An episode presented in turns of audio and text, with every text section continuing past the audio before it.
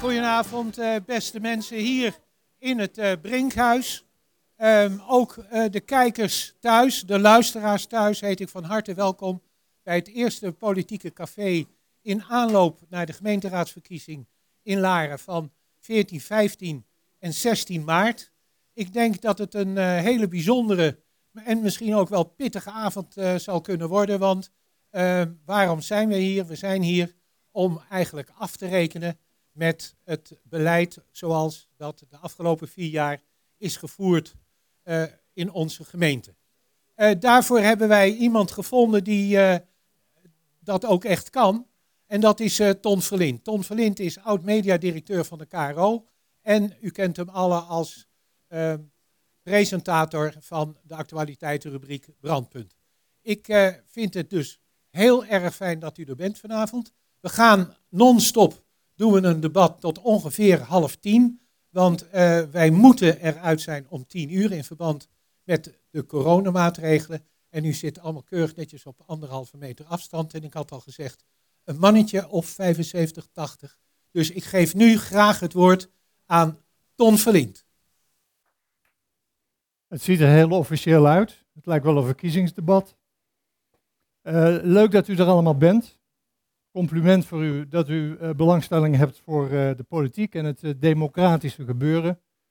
en laten we hopen op een hele constructieve manier, want als je tegenwoordig Twitter en zo leest, dan word je er niet vrolijk van wat er door dat riool wordt gepompt als het gaat om politieke besluitvorming. Maar ik schat u in van een veel hoger niveau. Dus ik heb een buitengewoon grote verwachting van deze bijeenkomst. Peter Kalis kwam naar mij toe en hij uh, maaide mij het gras al een beetje voor de uh, voeten. Hij zei, ik heb zo'n hekel aan de term afrekening. Ik eigenlijk ook. Hij zei, uh, laten we er een balans van maken. Dat vind ik prima. Peter, ik kom helemaal tegemoet aan je wensen. Niet te vroeg, vroeg klappen, dames en heren, want we beginnen met de leuke dingen. Dus de vervelende dingen komen pas in de tweede helft. Dus eh, een beetje compromisachtig. Maar afrekening heb ik zelf eigenlijk ook een beetje een, een, hekel aan, want er wordt al zoveel afgerekend in de politiek. En ik zou liever met u een constructief, maar spannend gesprek willen voeren over een paar thema's die er in grote lijnen op neerkomen. Wat gebeurde er de afgelopen vier jaar? Wat ging er goed? Wat ging er mis? Wat kan er beter? En hoe waren de verhoudingen eigenlijk hier in, uh, in Laren? Dus de politieke verhoudingen. Hoe hebben jullie samengewerkt? Wie staat hier met chagrijn? Wie denkt het kan beter? Of wie staat hier met een grote vrolijkheid omdat hij denkt, we hebben zo goed samengewerkt dat we fantastische dingen tot stand hebben gebracht. Alles kan dus aan de orde komen. Bart, nou misschien niet alles. Laten we sommige dingen overslaan. Of ook niet, misschien. Um, en, en wat ik zelf heel belangrijk uh, vind, uh, u als representant van de Larense gemeenschap, hoe was de interactie met uw gemeentebestuur en met de gemeenteraad? Bent u daar tevreden over? U kunt zich mengen in de discussie, er loopt iemand rond met een microfoon. Op het moment dat u denkt, ik wil mij mengen in het gesprek, geeft u even een seintje en dan krijgt u het uh, woord.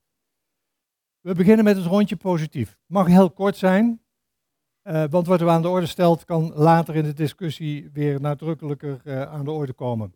Ik begin met um, Hans Timmerman. Ik hou me niet aan de logische volgorde. Hans, noem eens één punt waarvan jij zegt, op dat gebied heeft het college het fantastisch gedaan het afgelopen vier jaar. Dat is moeilijk.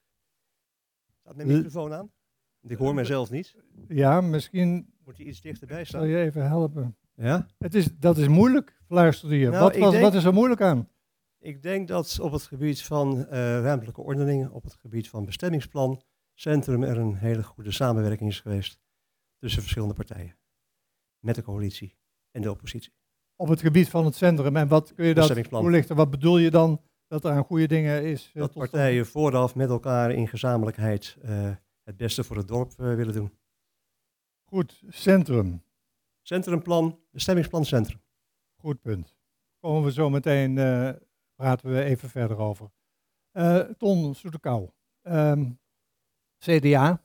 Wat mij opviel was jullie verkiezingsaffiche. Voor Laren stond daar. Is er in het campagneteam een discussie geweest waarbij er ook mensen van uw partij gezegd hebben, nou er moet eigenlijk tegen Laren op staan? Nee, niemand. Nee. Dus, dus een beetje voor de hand liggende titel zou je kunnen zeggen. Wat is- zou, zou hier een partij aanwezig zijn, denkt u, die vindt dat ze tekenlaren zijn? Nou, wij zijn voorlaren omdat we vinden dat het moet blijken uit onze daden. Je kunt dus ook zeggen dat je voorlaren bent, maar in feite handelen tegen het belang van laren in. En daar gaat de discussie denk ik vanavond over. Ja. Eh, noemt u eens een punt waarvan u zegt, daar ben ik heel tevreden over?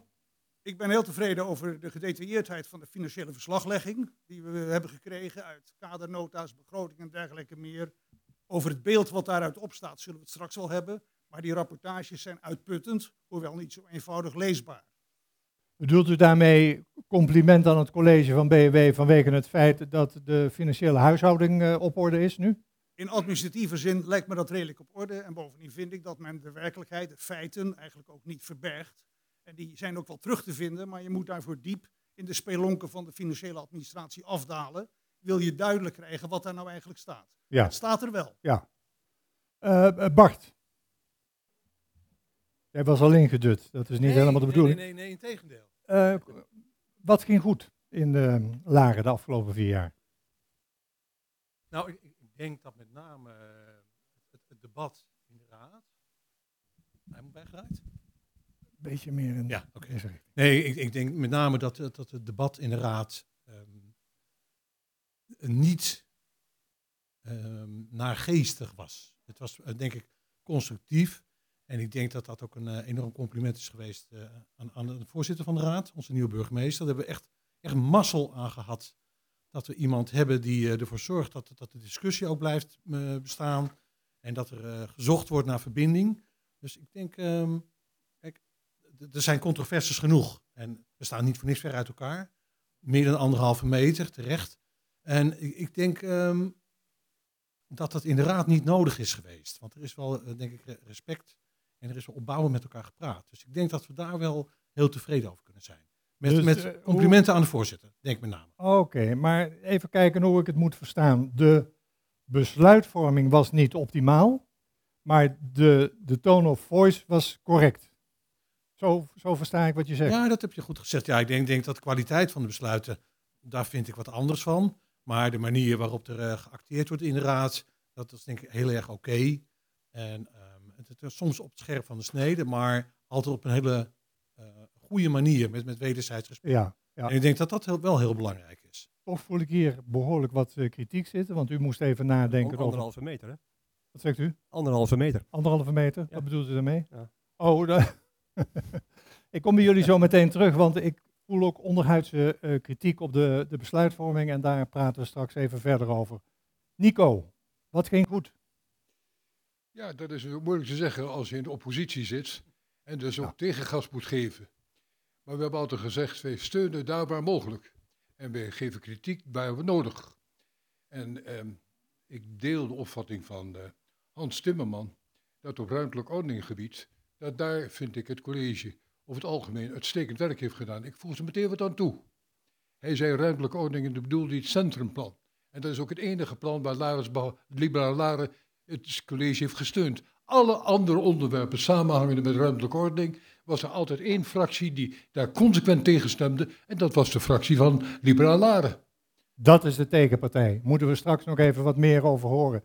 Ehm, als je tevreden bent over ruimtelijke ordening, kun je dat eh, nog wat nader toelichten. Waar ben je dan precies zo eh, tevreden Nou ja, over? Kijk, we hebben bij het begin van dit college, vier jaar geleden, hebben we een bouwnota geschreven, door het college ingediend en hebben we ondersteund. En daar hebben we het kader gegeven binnen welke een aantal ruimtelijke ordeningsprojecten vorm moesten krijgen. En dat is consequent uitgevoerd tegen, met heel veel tegenwind. We zullen misschien vanavond onderwerpen krijgen in het kader van die bouwnota waar we verschillend over denken. Maar ik vind dat het college van begin af aan heeft laten zien wat ze van plan waren. En ik denk dat ze het consequent hebben uitgevoerd. Wat, wat vind je er goed in die plannen? Er zitten misschien Oh. hier mensen in de zaal en kijken die Nou niet ja, precies kijk, weten over wat voor plannen het gaat. Kijk, het probleem is, Laren wil bouwen, maar we hebben nauwelijks grond. Niettemin willen we graag ook aan de woningnood een bijdrage leveren om er wat aan te doen. En dus daar waar enigszins mogelijk willen we graag als, als gemeente ook onze bijdrage leveren. Maar ja, we zitten met grond die verschrikkelijk duur is. En dus heb je het dilemma dat je aan de ene kant rendabele projecten moet hebben, anders stapt er niemand in. Maar aan de andere kant moet het betaalbaar worden. En ik vind dat er een juiste balans is gevonden in die bouwnota, en die is uitgevoerd, namelijk dat een derde van de woningen globaal gesproken sociaal betaalbaar moet zijn. En dat is gelukt. En dat vind ik een compliment waard voor een, dat is, dat is een compliment waard voor de liberale wethouder die dit tot stand heeft gebracht. Als ik geroezemoes hoor in de zaal, dan is dat natuurlijk een signaal om even te horen waar dat geroezemoes vandaan komt. Wie wil even toelichten waarom hier geroezemoes ontstaat? Uh, wacht even tot er een microfoon bij u uh, is. Bouwde bewering om te stellen dat een derde sociale woningbouw is geweest in de afgelopen periode. Die berekening zou ik heel graag willen zien van meneer Wechter. Oké, mag ik antwoorden? Uh, we gaan daar zo meteen wat dieper op in. Dan maak ik eerst het korte rondje af. Hans Vaas, compliment aan de gemeenteraad of aan jullie zelf. Want de VVD en Laris Behoud zijn samen de grootste partijen. Ik leg het even uit voor de mensen die thuis zitten te kijken en niet dagelijks de politiek in Laren volgen. Jullie hebben de afgelopen vier jaar het college uh, gevormd. Dus jullie hebben aan de top van het beleid gestaan, zou ik maar zeggen. Waar ben je ontzettend trots op? Ja, ik ben het in deze, en dat komt overigens wel vaker voor, zeer eens met mijn geachte collega Nico Wechter. Want de ruimtelijke ordening, daar is goed gescoord. ik kan überhaupt zeggen dat het college, de wethouders, alle drie, zeer actief zijn geweest. Er zijn geen zaken op de lange baan geschoven. Ze hebben alles aangepakt. Hebben heel veel zaken tot wasdom gebracht en, en afgehandeld. En met name op het gebied van ruimtelijke ordening is dat, heeft dat geleid tot veel goede projecten. dus ik ben het helemaal eens met Nico Wechter. Daar, daar ligt de, de kwaliteit en de kracht van het afgelopen college. Ja, uh, hoe, hoe het dan precies ligt met de, de, verhoudingen sociale woningen en miljonairswoningen, gaan we het zo meteen nog even ja, over hebben. Daar wil ik graag wel uh, op reageren. Ik, ik wil er ook graag een paar vragen over stellen. Uh, Peter, jij zei laat het in godsnaam geen afrekening heten. Nee, ik denk dat er heel veel goede dingen zijn gebeurd. Maar om te beginnen wil ik wel stellen dat ik hier niet sta als wethouder, maar dat Laris Bout mij heeft gevraagd om dit debat deel te nemen. En vier jaar geleden stond ik hier ook met Dico Wechter. Dus het is mij een groot genoegen. Waar ik trots op ben en met heel veel plezier terugkijk, is dan toch over het college. Binnen het college hadden we drie wethouders en de burgemeester met een fantastische teamgeest. Onderling wel eens meningsverschillen, maar zonder wrijving geen glans. Ik denk dat we ontzettend veel voor elkaar hebben gekregen en daar ben ik trots en blij over. En ik heb ook eens naar aanleiding van dit debat teruggekeken en het coalitieakkoord erop nageslagen. En het eerste waar het coalitieakkoord mee begint is zelfstandigheid. Toen we de verkiezing ingingen was dat nog geen uitgemaakte zaak. Nu kijken we erop terug en zeggen, nou dat is toch vanzelfsprekend. Maar toen was dat niet zo. En we hebben echt ontzettend ons best gedaan om dat voor elkaar te krijgen. En dat is ook heel belangrijk voor Laris Behoud, omdat dat onze gemeenschap bepaalt, onze gemeenschapszin. Hoe wij met elkaar samenleven, hoe wij met elkaar samen dingen doen. En waardoor Laren Laren is en ontzettend sterk is en een fijne gemeenschap. Ik zie een, uh, een lijn in uh, deze opstelling en de karakter van het gesprek, want het gaat van tevreden naar minder uh, tevreden. Dus ik kom even terug. U moest, ehm, meneer Timmerman, even nadenken toen ik zei, noem eens een positief punt. Toen zei u oei of iets van gelijke strekking. Wat, wat voor wereld gaat er schuil achter de reserve die ik daar proefde? Nou, noem een politiek punt. U vroeg waar mensen tevreden over. Dus niet een politiek punt, er zijn meer politieke punten. Ik mag een ander politiek punt noemen, de laatax. Waarvan ik denk, ja, dat hebben we weggegooid van onze ouderen. Op een manier die no niet nodig was. Even, even toelichten, uh, want dit zijn... De laatax is het oudere vervoer in de gemeente Laren. Was dat ter alle tevredenheid hadden we rustig kunnen aanbesteden. Dat was in orde. Brusselse aanwijzingen konden leg even, leg even uit wat daar niet mee goed is gegaan met het Nou, er is een wethouder over gestruikeld. Zo, zo ging, ging het fout zelfs. Dat we dus, dus nu afhankelijk zijn van regionaal vervoer. Maar wat was de kern van het uh, probleem, om het even uit de abstracties uh, te halen? Nou, de kern van het probleem is dat er geen probleem was. Maar dat er een probleem gemaakt werd. Probeert u toch het zo uit te leggen dat ik begrijp waar het over gaat, alsjeblieft. De Latax is al jarenlang was een goed ouderenvervoer hier in Laren. Er komt een regionale maatschappij, een bedrijf, die zegt wij gaan het beter doen. Er was geen enkele reden voor Laren om daar aan deel te nemen. Als ook Laren was ook uitgezonderd in die samenwerking. En opeens gaat een wethouder Latax toch weggeven aan het regionale vervoer. Nou, dat heeft tot heel veel ontstemming geleid is, dat zelfs de eh, wethouder erover gestruikeld is. Uiteindelijk is het wel, eh, zijn we het wel kwijt. Totaal losgezongen van de realiteit. Peter, Onwaar en eh, eh, totaal eh, uit de lucht gegrepen. Er is zeker geen wethouder over gestruikeld. Het is zo dat wij als raad en als gemeentebestuur vinden het heel belangrijk dat er continuïteit is in het vervoer, leerlingenvervoer en het vervoer, vervoer voor ouderen, WMO-vervoer. En eh, eh, regionaal eh, stuitte dat hier en daar op problemen. Omdat verschillende taxibedrijven ineens omvielen. En er moest er heel snel geschakeld worden om dat toch weer voor elkaar te krijgen. Daaruit is het idee ontstaan om een regionale taxivervoersmaatschappij op te richten. En dus ook voor leerlingenvervoer en WMO-vervoer in Laren. Het WMO-vervoer werd door alle tevredenheid, precies zoals het meneer Timman zegt, uitgevoerd door Latax. Keurig, fantastisch. Ik ben verschillende malen naar Latax geweest, naar Sebastian Richter. Hebben we de zaak besproken. Eh, het belangrijkste was dat onze accountant en de juridische afdeling zei: U heeft dit contract al enkele malen verlengd en stilzwijgend kan dat niet meer verlengd worden. U bent illegaal bezig. De accountant zou ons geen goedkeurende verklaring geven als wij verder gingen met Latax. Dus ik heb Sebastian Richter gevraagd. Nou, er wordt een eh, regionale BV opgericht. Wij zouden dolgraag met jou verder gaan. Maar we moeten het aanbesteden en dan moet jij in concurrentie met die regionale BV natuurlijk een aanbod doen voor Laren. Daar zegt hij, daar bedank ik voor. Ik heb ontzettend mijn best gedaan om ook het zij Latax als een soort onderaannemer van die BV in te schakelen. Het zij de chauffeurs van Latax over te laten gaan naar uh, de BV Vervoer, zoals dit taxibedrijf heet. Zodat ze toch dezelfde klanten dezelfde service zouden kunnen geven. En ik meen dat één of twee chauffeurs zijn overgegaan. Dus we hebben echt ontzettend ons best gedaan. Zowel naar Latax als naar de bewoners van Laren. Om dit zo goed mogelijk te regelen.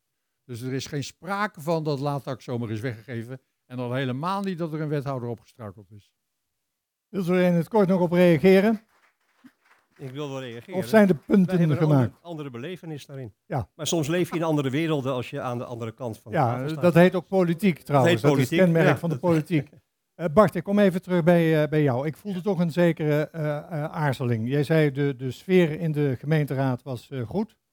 Dat neem ik als buitenstaander aan, als je dat zo zegt. Ik heb er nooit bij gezeten, maar ik voelde kanttekeningen bij de kwaliteit van de besluitvorming. Kun je er eens één punt uitlichten waarvan je zegt dat is niet goed gegaan?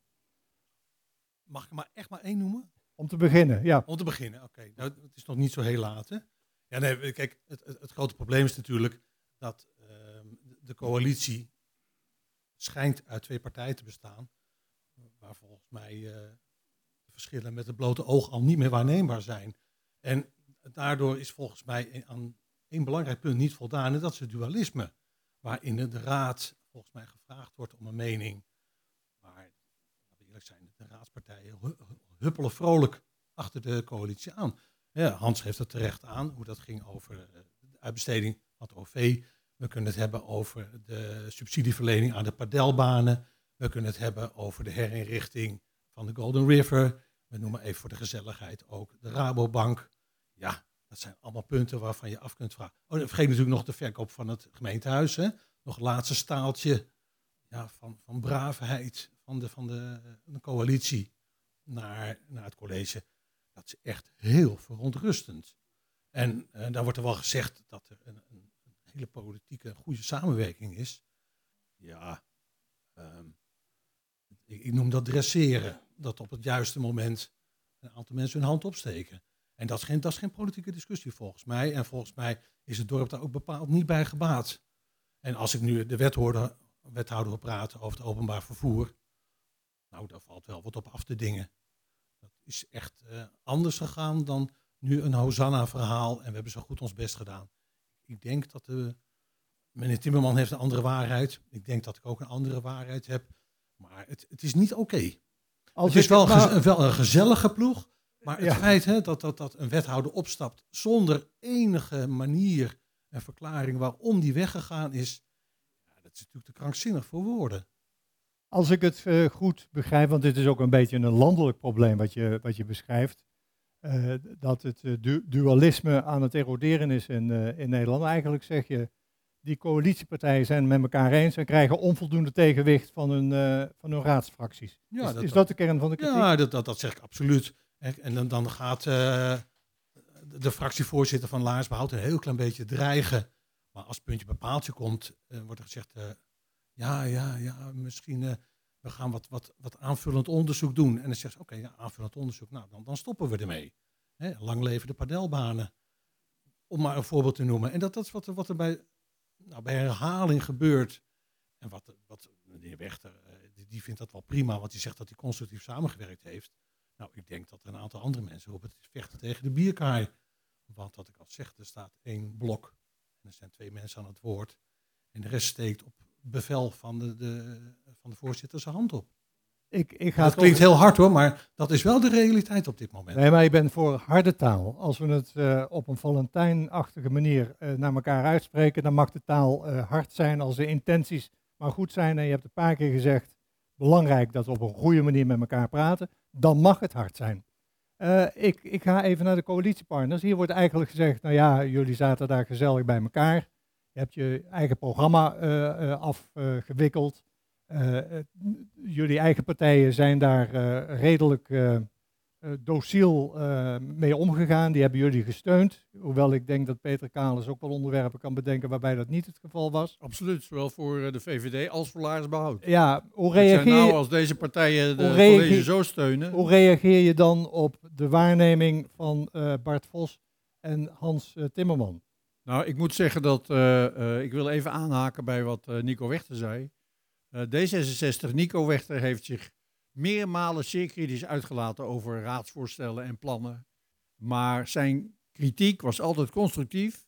En waar hij de construc- constructieve, positieve ontwikkelingen zag, stemde hij niet voor. Eh, meneer Zoetekouw zei iets over de financiële ontwikkelingen van Laren. De begroting heeft de liberaal Laren tegengestemd. Waarom bent u tegen? Omdat we niet voor zijn. Dat zeiden de boeren vroeger ook. Is daar reële, verstandige argument aan de grondslag? Nee. Wat meneer Vos hier eh, zegt, is dat is zijn beleving. Ik zeg altijd, ja, er wordt naar je geluisterd, maar je krijgt niet altijd gelijk. Ik denk dat eh, VVD en Laris heel goed luisteren. Eh, bij die padelbanen was er ook eh enorm discussie tussen VVD en Laris Behoud. Eh, eh, de plannen rond eh, waterberging op de Brink, waar de heer Vos ook het een en ander van weet, was ook een eh, groot eh, verschil van mening. En zo zijn er wel meer dingen. En net wat ik zeg, zonder wrijving geen glans. Uiteindelijk ben ik ervan overtuigd dat we hier, wat we hier voor elkaar gekregen hebben, dat het goed is voor het dorp, goed voor Laren en goed voor de inwoners. Ik ga even naar de andere coalitiepartner. Hoe, hoe is het mogelijk dat de waarneming daar en de waarneming hier over de, de wijze waarop er is samengewerkt zo totaal verschillend is? Wat is daar misgelopen? Nou, ik denk dat dat iets te maken heeft met de aanstaande verkiezingen. Dat is één eh, punt. Ander punt is dat eh, je zou ook eens kunnen bedenken dat het misschien, en ik sla dan even meneer Vos met alle respect over, maar die zit nog niet zo lang, eh, althans niet, zijn partij zit nog niet zo lang in de raad. Dus daar is nog niet zo'n enorme innige samenwerking mee ontstaan. Maar eh, als ik me even op eh, meneer Timmerman eh, mag richten, dan denk ik van ja, ook als je oppositiepartij bent, zeker als je de grootste oppositiepartij bent, dan heb je een taak om invloed uit te oefenen. En dat kan omdat je vier stemmen hebt en dat helpt. Alleen, ik, ja, ik kan niet anders zeggen dan dat liberaal Laren zich volledig heeft geïsoleerd. Daar wordt ernstig op de man gespeeld en dan heb ik het op de wethouders gespeeld en niet op de bal. Eh, en het gevolg daarvan is dat een wethouder die met een of ander plan rondloopt, nou niet zegt van, goh, ik ga eens eventjes Jacqueline Timmerman bellen om te vragen wat zij van mijn plan vindt. Want op het moment dat eh, eh, er iets gezegd wordt, zijn ze tegen. Intern heet Liberaal Laren de tegenpartij. Dat geeft al een beetje de setting weer. En daarmee hebben ze zich geïsoleerd en hebben ze relatief weinig invloed. Ik, misschien mag ik even nog ter illustratie, wel een aardige. Kort aan, want ik wil graag naar meneer Timmerman. Dat Ik ben, ik. ik ben heel kort van stof. Eh, dit is een eh, artikeltje, een, een, een kopie van een artikeltje uit de Gooi en Eemlander van een jaar of twee geleden. Die hebben toen eens uitgezocht wie nou de meeste eh, invloed had in Laren. Nou, u begrijpt dat dat de VVD was, anders zou ik het niet laten zien. Eh, de kop staat hier ook VVD effectiefste ideeënclub. En hoe hebben ze dat vastgesteld? Ze hebben gekeken naar alle eh, amendementen en alle moties die ingediend zijn en wie daar de meeste eh, eh, stemmen voor had meegekregen. Nou, dat was dus de VVD. We zijn maar de derde partij. We hebben maar drie zetels. Maar als je op een goede manier goed politiek bedrijft, dan heb je invloed. Daarboven staat, en dat wil ik u toch niet onthouden, oppositioneel liberaal Laren ziet amendementen en moties het vaakst afgeserveerd. Nou, dat heeft alles te maken met je eigen opstelling. Ik ga nu naar meneer eh, Timmerman. Ik sta boven de partijen. Ik ken jullie geen van allen. Een beetje oppervlakkig. Eh, ik ben geen inwoner van eh, Laren. Eh, dus ik begon bij het voorbereiden van dit debat met een achterstand die ik eigenlijk zie als een journalistieke voorsprong. Want je vraagt zo eens links en rechts, om het evenwicht te bewaren, in het dorp. ehm, wat is nou de reputatie van die partijen? En meneer Timmerman, Liberaal Laren is de tegenpartij. Is een beetje de teneur die je hier in Laren hoort. Is, is dat ook wat u beoogt, de tegenpartij te zijn, de nee-partij te zijn? Nou, mijn, mijn vrouw is in 2006 uit de VVD voortgekomen, na twee perioden in de VVD gezeten te hebben. En had het gevoel dat zij soms in een soort fractiediscipline zat van een partijstandpunt, waar ze niet de vrijheid had om zelf te reageren. Toen is ze gestopt. Toen zei ze, ik ga niet meer in die politiek, dat vind ik niet leuk meer. En toen kwam het hele dorp op eraf. Jacqueline, wat jammer dat jij vertrokken bent. Want kunnen we niet alsnog een keer op je stemmen? Toen heeft zij besloten alsnog in die politiek te gaan en kreeg ze één zetel. 2006, één zetel, met gewoon een eigen verhaal. En iedereen zei, Jacqueline, wat jij wil, dat willen de mensen niet. Jij bent tegen alles. Jij hebt een heel andere visie. 2010, twee zetels. We hebben nu vier zetels. Zijn groter dan de VVD, waar Jacqueline uit terechtgekomen is. Want de VVD was vroeger de grootste. Is het niet meer. We hebben nog steeds die mening. Zij heeft een mening over dit dorp, dat we met de inwoners dingen willen doen die zij gewoon wil. Mag ik het eens, En mag ik het eens dan even- concretiseren even dan? Afronden, even afronden. Ja, natuurlijk. Je wil dingen dus doen zoals je dat zegt. En dat wil zeggen, een beetje compromisloos. En natuurlijk wil je compromissen doen als je begint te praten met de inwoners over ideeën. En niet aan het eind een voldongen feit krijgen van het college, een vinkje krijgen bij participatie van de burgers en zeggen dit is hoe we het gaan doen en alle commentaar is niet goed. En wat moet je dan doen? Moet je dan zeggen ik ga toch maar voorstemmen? Of moet je dan Nee, consequent nee, zijn? nee, natuurlijk niet. Maar ik, ik, dit is het goede punt om het, standpunt. om het te concretiseren. Want ik begrijp het. U zegt, eh, we voelen ons niet thuis in de VVD. Eh, ideeënarmoede, het zijpelt er een beetje doorheen. Dat heb ik Eh, niet gezegd. Dat heb ik niet gezegd. Nou ja, de partij, binnen de partij waren in ieder geval niet de dingen te realiseren. Niet haar idee. Niet haar ideeën. Dat vind ik interessant. Kunnen we het eens even hebben over twee plannen, ideeën van uw partij, die ehm, met steun van eh, de gemeenteraad eh, gerealiseerd zijn de afgelopen vier jaar? Nou, we hebben de bomen op de brink, we hebben de bomen op de brink behouden. Daar hadden die twee partijen zeg maar, een voorstel aangenomen om de 41 bomen te kappen daar. Omdat er een wading moest komen. Een stadsgrootschadelijke Ik, we komen daarover verder te praten. De er bomen op de brink staan er nog dankzij uw partij. Tweede Toen, punt. ja, toen zijn er een paar mensen opgestaan die zijn handtekeningen gaan halen. En pas toen er meer dan 4.500 handtekeningen kwamen, heeft het college gezegd, we gaan toch weer iets anders doen. Dat, is- dat, is- daar zijn we trots op. Eén punt. Tweede punt. Ik denk dat ten aanzien van, ehm, als je gaat kijken, een boer die zijn land verkoopt, die gaat failliet. Een dorp die zijn gemeentehuis verkoopt, verliest zijn zelfstandigheid. Er zijn dingen die je doet, die doe je niet. Op je tafel zilver ben je zuinig. Toen de u- VVD, daar toen de bent u- VVD daar u vier jaar tegen, geleden begon, toen de VVD vier jaar geleden begon, toen zeiden ze, we verkopen het burgemeestershuis niet. Wat is verkocht? De burgemeesterswoning. Daar bent u tegen, maar mijn vraag was, waar was u voor? Waar zijn we voor? Ja, dan is het moeilijk.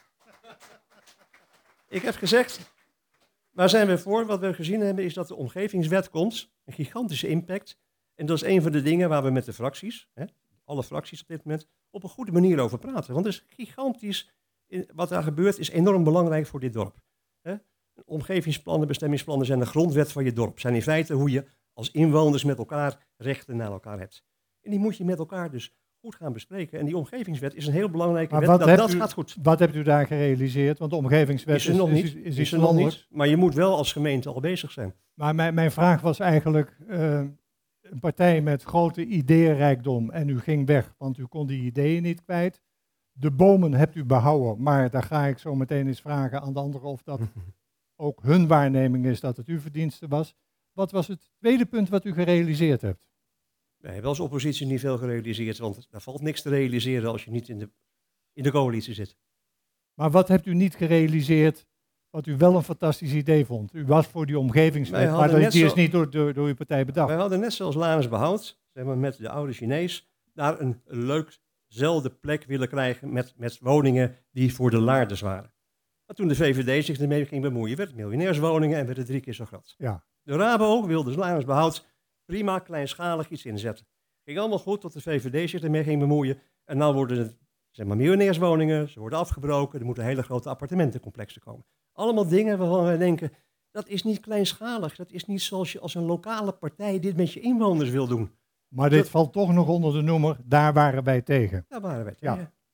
Er was één ding waar u voor was, en dat waren die bomen, die staan er nog. Nou, Ehm, is dat de verdienste? Ik kom zo bij jullie, want het is te gemakkelijk om elke keer naar die kant te gaan met zo'n onderwerp. Is dat die bomen er nog staan, is dat de verdienste van Hans Timmerman? Of van zijn vrouw? nou, niet Hans. Nou ja, van je, vrouw. Je, je representeert hier je vrouw. Hè? Nico weet dat het beste. Nico, Nou, het is, eigenlijk- is gecompliceerder. la- laten we het vooral eenvoudig houden. ja, ja, ja, maar is het toch, ja of is het nee? Het is, eh, de bomen zijn vooralsnog behouden. En ik denk dat het college, en vooral ook de wethouder die ervoor verantwoordelijk is, zich nog eens achter de oren heeft gekrapt en gezegd, inderdaad, mijn idee van wat ik eerder had, en waarbij een aantal bomen zouden moeten sneuvelen, lang niet alle bomen. Welke wethouder Wacht was dat? Welke wethouder Ja, was die dat? staat daar, hè? Oké, nee, we moeten Maar het even dus, duidelijk eh, houden. de- toen is die wethouder is inderdaad teruggefloten door de meerderheid in de Kamer, inclusief de VVD, moet ik eerlijk zeggen. Ook wij, zeker. En ook Laars behoud. En daar wou ik niets van zeggen, als je het toch goed vindt. Ik moet dan ook nog een antwoord geven die mevrouw over die een derde regeling met sociale woningen. Maar daar komen we nog op. Die, die, deze coalitie is een prachtige coalitie in zekere zin. Ze zitten al twaalf jaar met elkaar op schoot. En inderdaad, het schoothondje is de VVD. Want feitelijk is de zaak hier in handen van Laars Behoud. Laten we eerlijk zijn. Ik prijs Laars Behoud als een partij die in de, hier in het dorp is geworteld, dat is waar. Maar ze meten zich dan ook een allure aan waarbij het verdomd lastig is als coalitiegenoot om nog je eigen profiel te houden. En daar heeft de VVD heel veel last van. En naarmate de verkiezingen kort erbij kwamen, werd het steeds onrustiger in die coalitie. En vooral de VVD begon te zeggen, hoe kunnen wij ons profileren? En toen begon het gedonder. De padelbanen. Een leuk idee, afgesproken met de, met de sportclubs, allemaal geregeld, keurig gedaan. Maar toen dacht in één keer Lars Behoud, nou moeten we kijken of we op een of andere wijze kunnen laten zien dat wij sociaal zijn. En weet je wat we gaan doen? We gaan nou tegen deze wethouder opponeren door te zeggen, wij willen daar sociale woningen hebben. Waar geen woord over stond in de bouwnota, had nooit niemand over gesproken. Ze wisten ook dat het niet kon, maar dat dondert niks als het maar in de krant komt. Uiteindelijk is het natuurlijk afgeblazen. Dat wist Lars Bout van tevoren. Dat wist ook de VVD. En de vrede in de coalitie is hersteld. Maar laten we nou niet mooier voorstellen dan het is. Deze coalitie hangt toch echt een beetje een keer aan een zijden draadje. Ik heb gezegd laatst in het Larisch Journaal, ze strompelen naar de finish. En dat is het. Ik vind dat we nu naar fris bloed moeten. We moeten na al die jaren met dat duo nu eindelijk eens een keer laten zien dat het ook met andere krachten gaat. En dat vind ik moet gebeuren.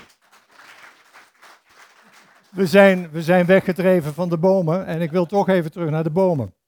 Want ehm, die bomen hoorden bij een eh, plan om regenwater op eh, te vangen. Ik, leg het even uit voor de mensen thuis hier. Iedereen hier is deskundig, neem ik aan, maar misschien zitten er mensen thuis te kijken die niet weten waar het precies over gaat. Laren heeft last van regenwater. Als het hard regent, dan verzamelt dat water zich hier ergens in het dorp. En dat probleem moet opgelost worden, want dat veroorzaakt schade. Toen kwam er een regenplan.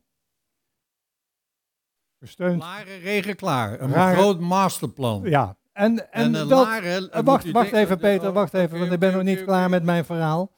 Dat plan bevatte iets heel opmerkelijks als je kijkt naar de doelen van Larensbehoud. Bij Larensbehoud denk je, toch, dit dorp moet blijven zoals het is. Maar waarin voorzag dat plan? Dat voorzag in het kappen van bomen. En meneer Timmerman claimt dat hij, althans zijn vrouw, zijn partij, heeft tegengehouden dat die, nou aan hem is te danken, dat die bomen er nog steeds staan. Dat moet voor Larensbehoud een pijndossier zijn. Nou, in zoverre is het een pijndossier. Kijk, Laren ligt in een, eh, een soort put. De hogere gedeelte van Laren ligt op plus 25 meter. En al dat water wat op daken valt, Ga gaat even, als een speer naar even beneden. terug naar die bomen. We hoeven niet Nee, het plan ja, uit te dus leggen, want dat- dat heb ik net gedaan. Dus dat gaat naar de brink. En die brink loopt helemaal vol. En dan met name de omgeving van de brink, de rijt, de winkels daar, die hebben grote Peter, overlast van water. Waarom ging Larens Behoud akkoord met een plan wat Laren We hebben zo- uh, fundamenteel zou veranderen? Larensbehoud heeft vier, vijf jaar geleden een plan gemaakt om de brink te verlevendigen. Wij zeiden, die brink, dat is dan maar een beetje een dode boel. Eh, ik mag Bart Vos citeren, die zei, bomen op de brink, dat zijn stammetjes met bovenin een paar blaadjes, dat zijn echt geen bomen hoor. Peter, hoe kwam Larens Behoud op het idee om een plan goed te keuren wat het aanzien van het dorp... Niet zo Larensbehoud, de raad heeft dat plan goedgekeurd. Larens Behoud heeft dat gesteund. Larensbehoud heeft dat gesteund, de hele raad heeft het gesteund. Het is door de raad aangenomen, hebben we een plan gemaakt. Er zijn in de aanloop naar dat plan verschillende informatieavonden geweest. Hier in het Brinkhuis, 60, 70 mensen. Het gerenommeerd eh, planologisch bureau heeft dat gepresenteerd. Eh, de voordelen van eh, de, dat plan van de Brink was aan twee kanten. De Brink levendiger te maken en tevens een berging van water te realiseren. Wat we niet voorzagen. Kijk, die bomen, Waarom, om dat aan te leggen, moet je waarom- bomen weghalen. Maar waarom, je, zet, waarom, je zet ook weer nieuwe bomen terug. waarom brak in het dorp eh, de pleuris uit? De pleur brak uit. De pleur brak in eerste instantie al bij Lagersbout uit. Want daar zijn mensen die zeggen, ja, eh, de Brink is, eh, dat gaat niet om een gezellig pleintje. De Brink zoals die nu is, heeft een iconische waarde. En eh, je kent die schilderijen van Magritte, dat ziet er allemaal fantastisch mooi uit. Zeggen, dat gaat niet gebeuren. Dus de achterban, heeft een- van een Larensbehoud Laar- kwam in heeft opstand. heeft een vergadering opgeroepen, extra ledenvergadering in het Zinger, waarbij zo ongeveer de wethouder op het hakblok terechtkwam en de hele fractie naar huis gestuurd zou worden. En dat was inderdaad zeer balanceren op het uh, slappenkoord. Eh, inderdaad met zoveel. En daarna kwam nog eens die handtekeningactie van... eh, bent u tegen bomen kappen? Nee. Eh, bent u voor minder ongeluk in het verkeer? Ja. Maar wat zeg je nu? Het verzet ontstond bij de achterban van Larensbehoud. Zeker. En niet bij u, En meneer heeft Liberaal. Liberaal Liberaal heeft er uitstekend op ingespeeld.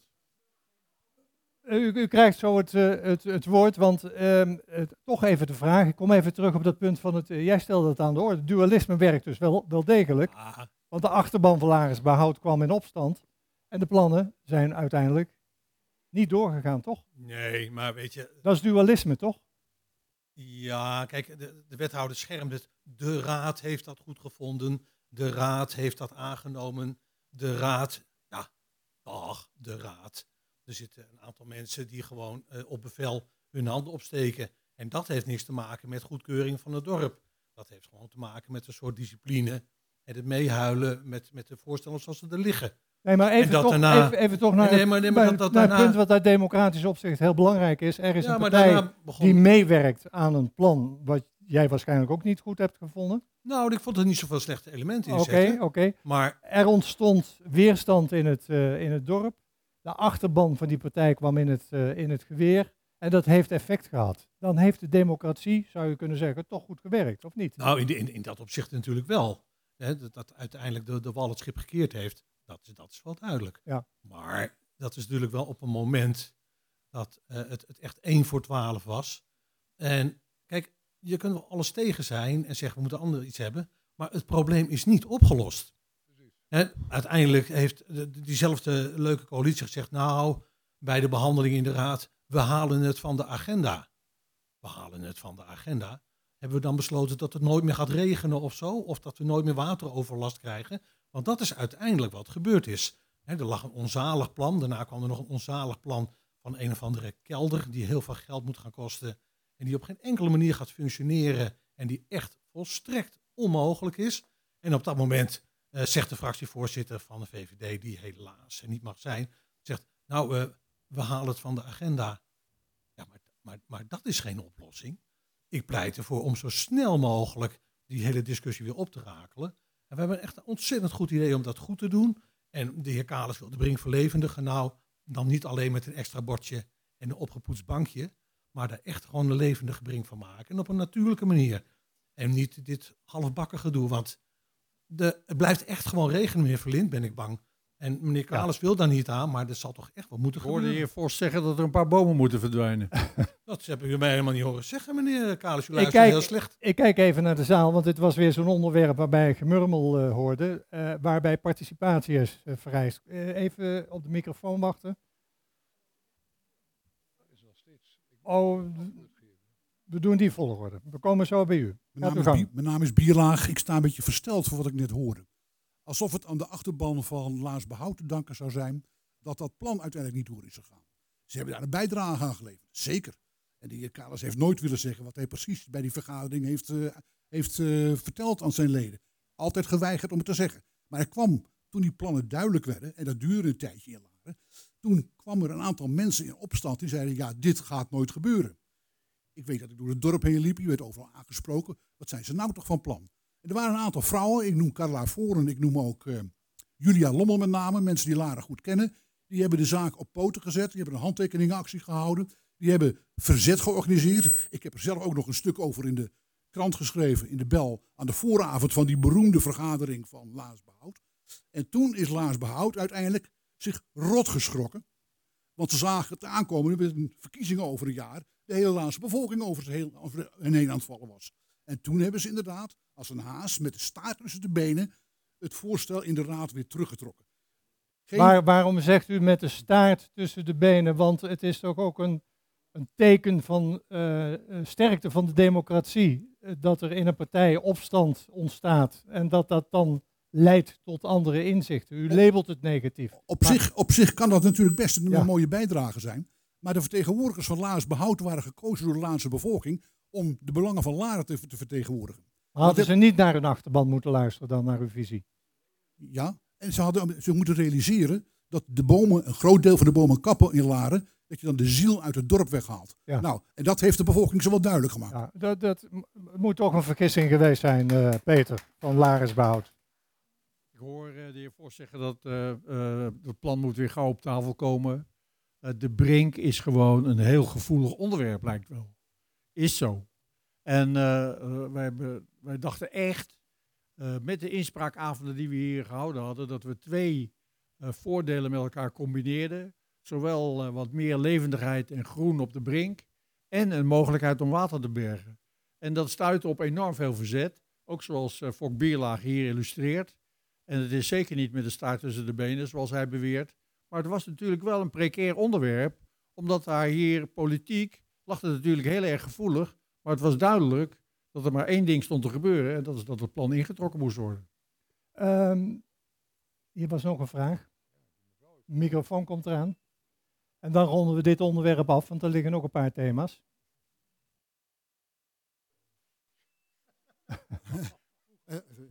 Microfoon een Maar- beetje lager, dan hoeft die meneer niet zo krampachtig naar het plafond te kijken. Maar- mijn naam is Johan van Wijngaarden, geboren en getogen Laarder. Eh, zelfs een Laarse naam. Ik ben Johan van Ali van Hendrik Biesebas en noem maar op. En ik eh, heb me enorm druk gemaakt voor het behoud van de brink. Er wordt gedaan alsof er niets gedaan is. Laten we wel wezen, Liberaal Laren had een alternatief. Dat wordt niet verteld en noem maar op, dat gaat helemaal niet. En ik ben toen benaderd om gewoon mee te doen op het behoud van, van de dingen. Ik heb rondgelopen met de Larense vlag. Eh, er is een groot artikel, ik heb groot in de krant Wat is het- gestaan. wat is het punt wat u en, wilt en, maken? En, en nu, nu doet net Lares behoud of hun de brink hebben gered. Dat hebben ze niet. Dat he- hebben de inwoners van Laren onder, onder, invlo- onder begeleiding van Libera Laren. En wij hadden als Libera Laren had een alternatief en noem maar op. En dat wordt helemaal niet. En dat werd elke keer, ook in commissievergaderingen, werd dat al weggestemd. En dat wou ik even kenbaar maken als Goed. Laarder. Ik, eh, dit, daarmee is het verhaal mooi rond, want we kunnen hier nog best een kwartier over, eh, over doorpraten. maar Ik heb hier nog een heel kort filmpje. Daar staat precies op wat de dames op de brink gezegd hebben.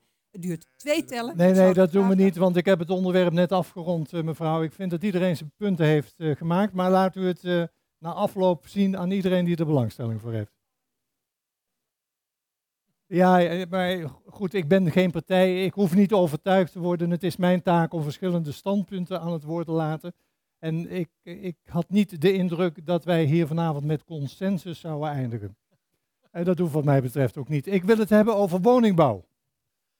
Ik wil het hebben over woningbouw, want ehm, kijk, eigenlijk is het niet de bedoeling dat we vooruitblikken, want dat doet een andere presentator straks in een andere bijeenkomst. Maar we kunnen toch niet helemaal aan de actualiteit eh, voorbij. En dat is dat ongelooflijk veel jonge mensen eh, niet hun leven kunnen beginnen zoals zij zouden willen, omdat er geen starterswoningen zijn. Dan heb ik het nog niet eens over sociale woningen. Eh, dat was een markant punt eh, bij de vorige verkiezingen. Er moeten huizen komen, werd toen nog gezegd voor brand, brandweerlieden, verpleegsters.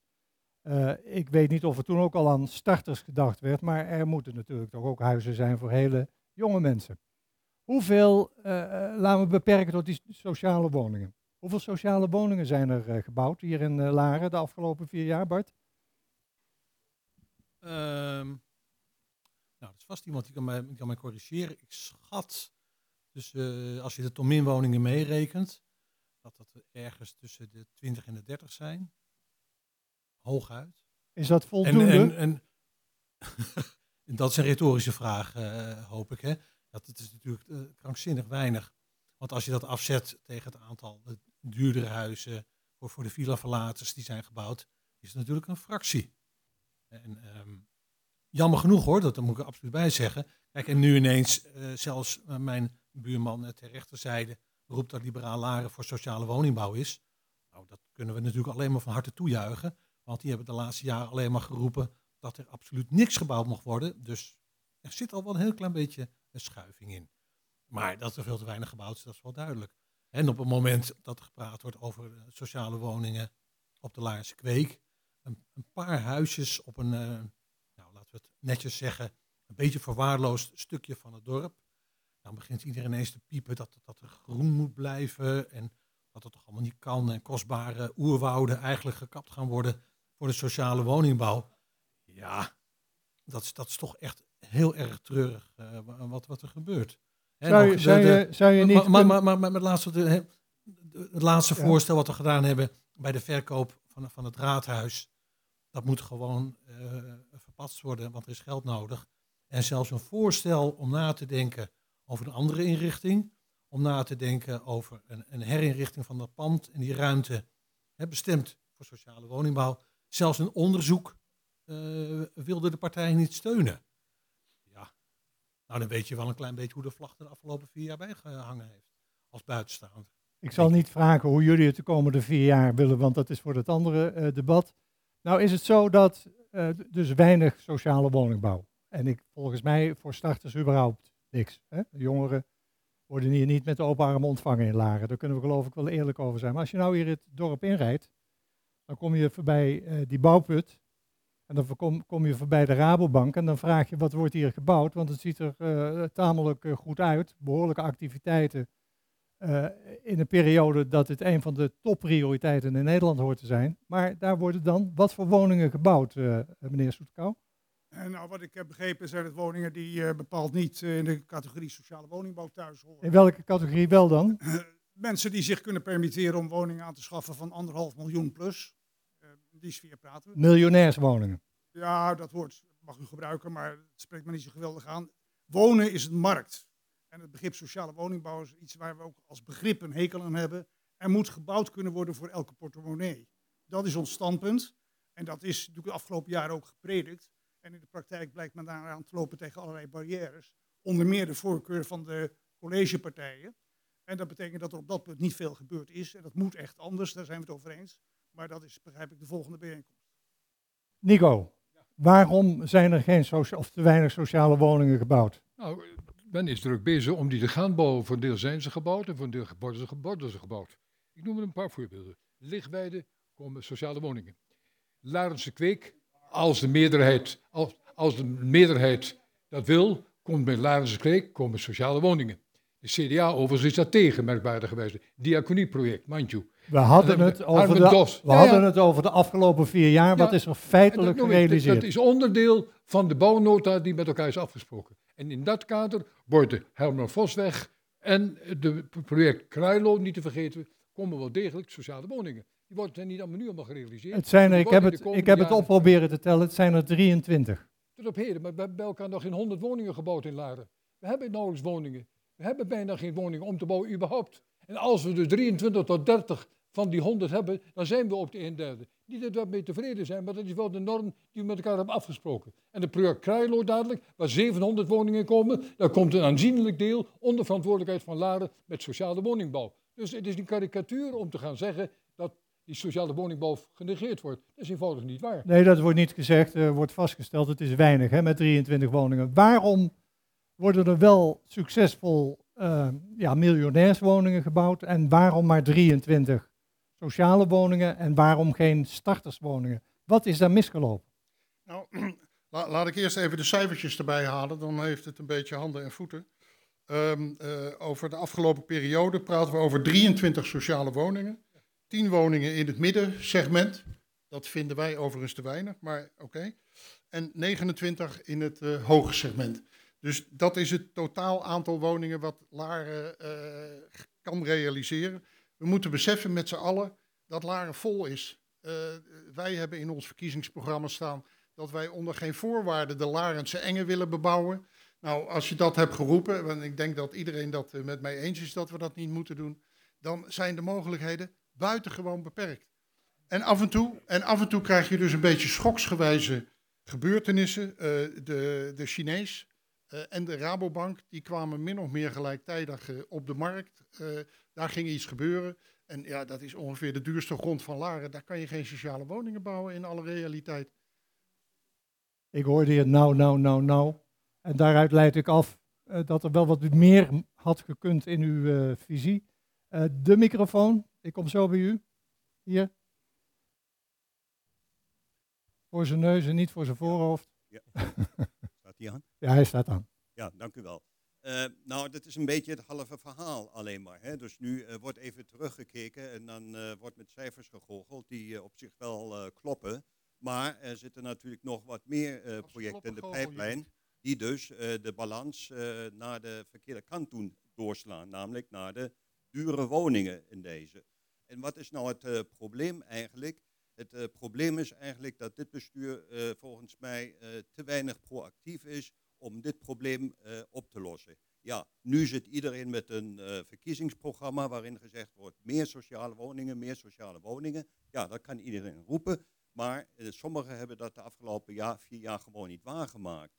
Dus wat nodig is, is eigenlijk op tijd wakker worden en kijken wat gebeurt er in Laren, hoe kunnen we daarop inspelen in het belang van onze bewoners in deze. En nu is het heel vaak zo dat we horen van ja, ja, het is particuliere eigendom. Die is gewoon verkocht aan een investeerder. Die heeft daar dus vreselijk veel geld voor betaald.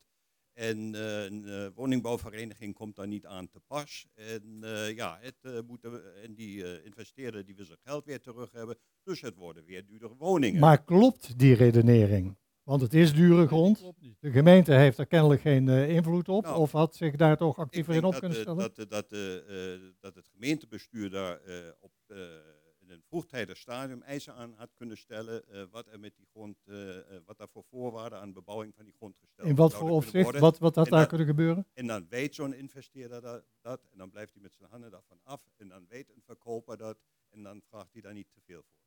Ja, dus u zegt eigenlijk, je moet zo, zodanige eisen stellen aan zo'n stuk grond dat het voor die uh, investeerders die zich richten op de miljonairsmarkt niet interessant is om daar te bouwen. En dan komt de grond beschikbaar voor misschien sociale woningbouw. Waarom, heren, is dat niet gebeurd? Mag ik nog één, één, reactie? Uh, Kom zo bij Peter. Ik bedoel, waar, waar hebben we het nou over? We hebben met z'n allen, de hele raad, gezamenlijk gezegd... wij willen dat van alle woningen die er gebouwd worden...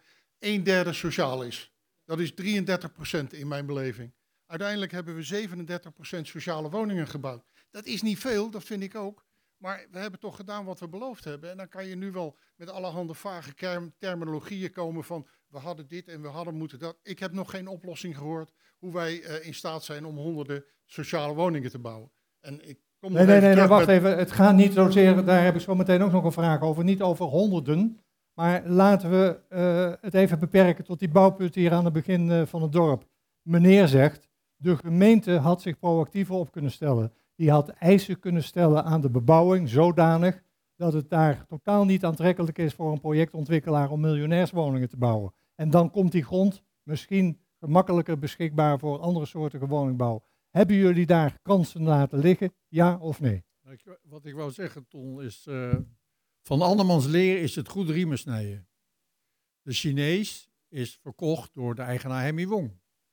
En de gemeente zou kunnen zeggen tegen Hemmy Wong natuurlijk van, beste Hemmy, je hebt daar een prachtig pand, is heel veel geld waard, maar we vragen dat aan jou om dat voor een tiende van de waarde te verkopen. De rest geef je aan Laren. En dan kunnen we daar overwegen om sociale appartementen te bouwen. Nou, zegt Hemmy, dat lijkt me niet zo'n geweldig idee. Ik verkoop het gewoon. Dankzij Laris Behoud is wat er nu gebouwd gaat worden, heeft nog optimale referentie aan het vroegere hotel wat daar stond, eh, het hotel aan het busstation. Eh, is er een nieuwe architect gekomen. Ook geldt ook voor de Rabobank. Eh, als je ziet hoe dat inzicht is gegeven, wat het eerst was. En het is jammer dat Karel Loef, eh, de voorzitter, fractievoorzitter Behoud er niet is. Want het is op zijn konto te schrijven dat die twee plannen allebei aanmerkelijk verbeterd zijn. Maar- en, maar en wat, wat even- de heer Wechter zegt, eh, dat project Krailo, daar heeft de gemeente zich ook enorm hard voor gemaakt. En dat zijn 200 sociale woningen voor Gooisemeer, Hilversum en Laren. Maar toch een beetje ongelukkig kan ik mij voorstellen dat veel inwoners dat zo ervaren dat als je het dorp binnenrijdt eh, en er is zo'n tekort aan woningen, dat je daar dit soort projecten ziet Wat, eh, ontstaan. wat Kun- echt- kunnen jullie nou, dat invoelen? wat echt een- wat echt een Voelen- wezenlijk probleem is. Voelen jullie dat in? Nee, Begrijp de, je dat? De totale huizenmarkt. Je ziet dat er al jaren eh, door eh, aftrek van de hypotheekrente, door de enorme lage rente, dat zijn twee factoren die enorm de prijzen van huizen omhoog heeft laten gaan. Ja, maar gemeentes, wat, eh, gemeentes, wat- gemeentes staan toch niet met lege handen. Die kunnen eisen stellen aan bestemmingsplannen, toch? Als een, maar een bestemmingsplan als een bestaand huis, wat eh, 15 jaar geleden voor 350, 400.000 euro te koop was, dat kost nu een miljoen.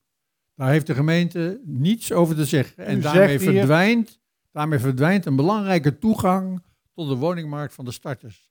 En daar heeft de gemeente, de gemeente eh, de, werd gerefereerd aan dat eh, projectje aan de Eemnesterweg, de Kweek.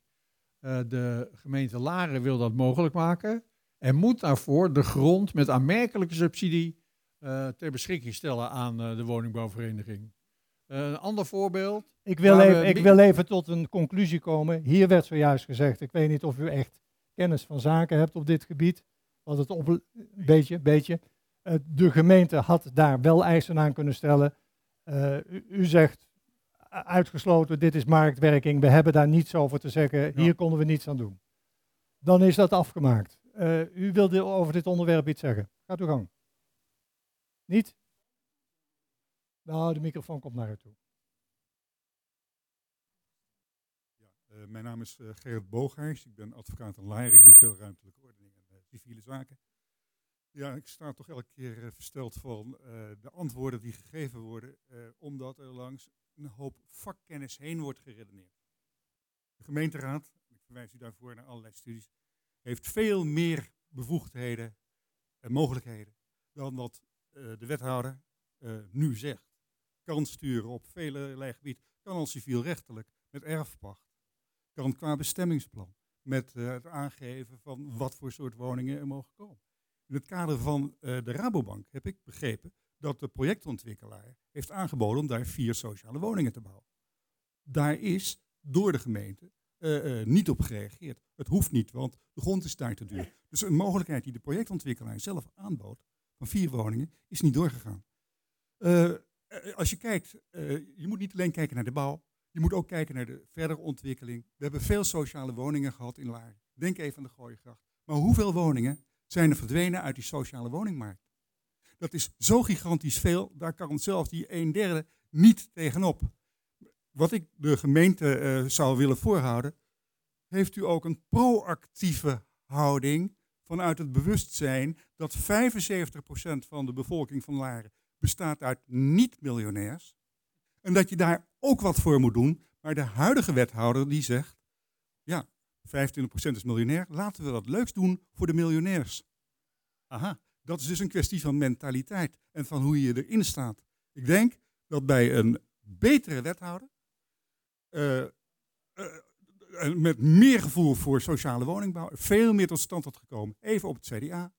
Sociale woningbouw is per definitie een topic van de Christelijk-Democratische Partij. Mijn vader zat in het CDA, was minister van Volkshuisvesting en heeft de woningnood in 1963 tot 66 enorm op zitten krikken. En dat deed hij niet in zijn eentje, dat deed hij met medewerking van alle bouwvakkers en heel veel politieke partijen. En dat kwam vanwege een goede mentaliteit. En die zouden we hier ook kunnen krijgen. Een goede mentaliteit. Dus ik vraag aan iedereen van alle partijen die nu in de raad komt en ook de nieuwe wethouders, om vanuit een goede, betere mentaliteit, all-inclusive, te gaan redeneren en niet meer voor één bepaalde groep. Dank u wel.